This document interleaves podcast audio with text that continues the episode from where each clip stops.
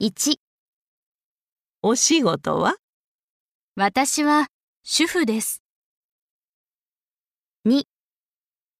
お仕事はエンジニアです。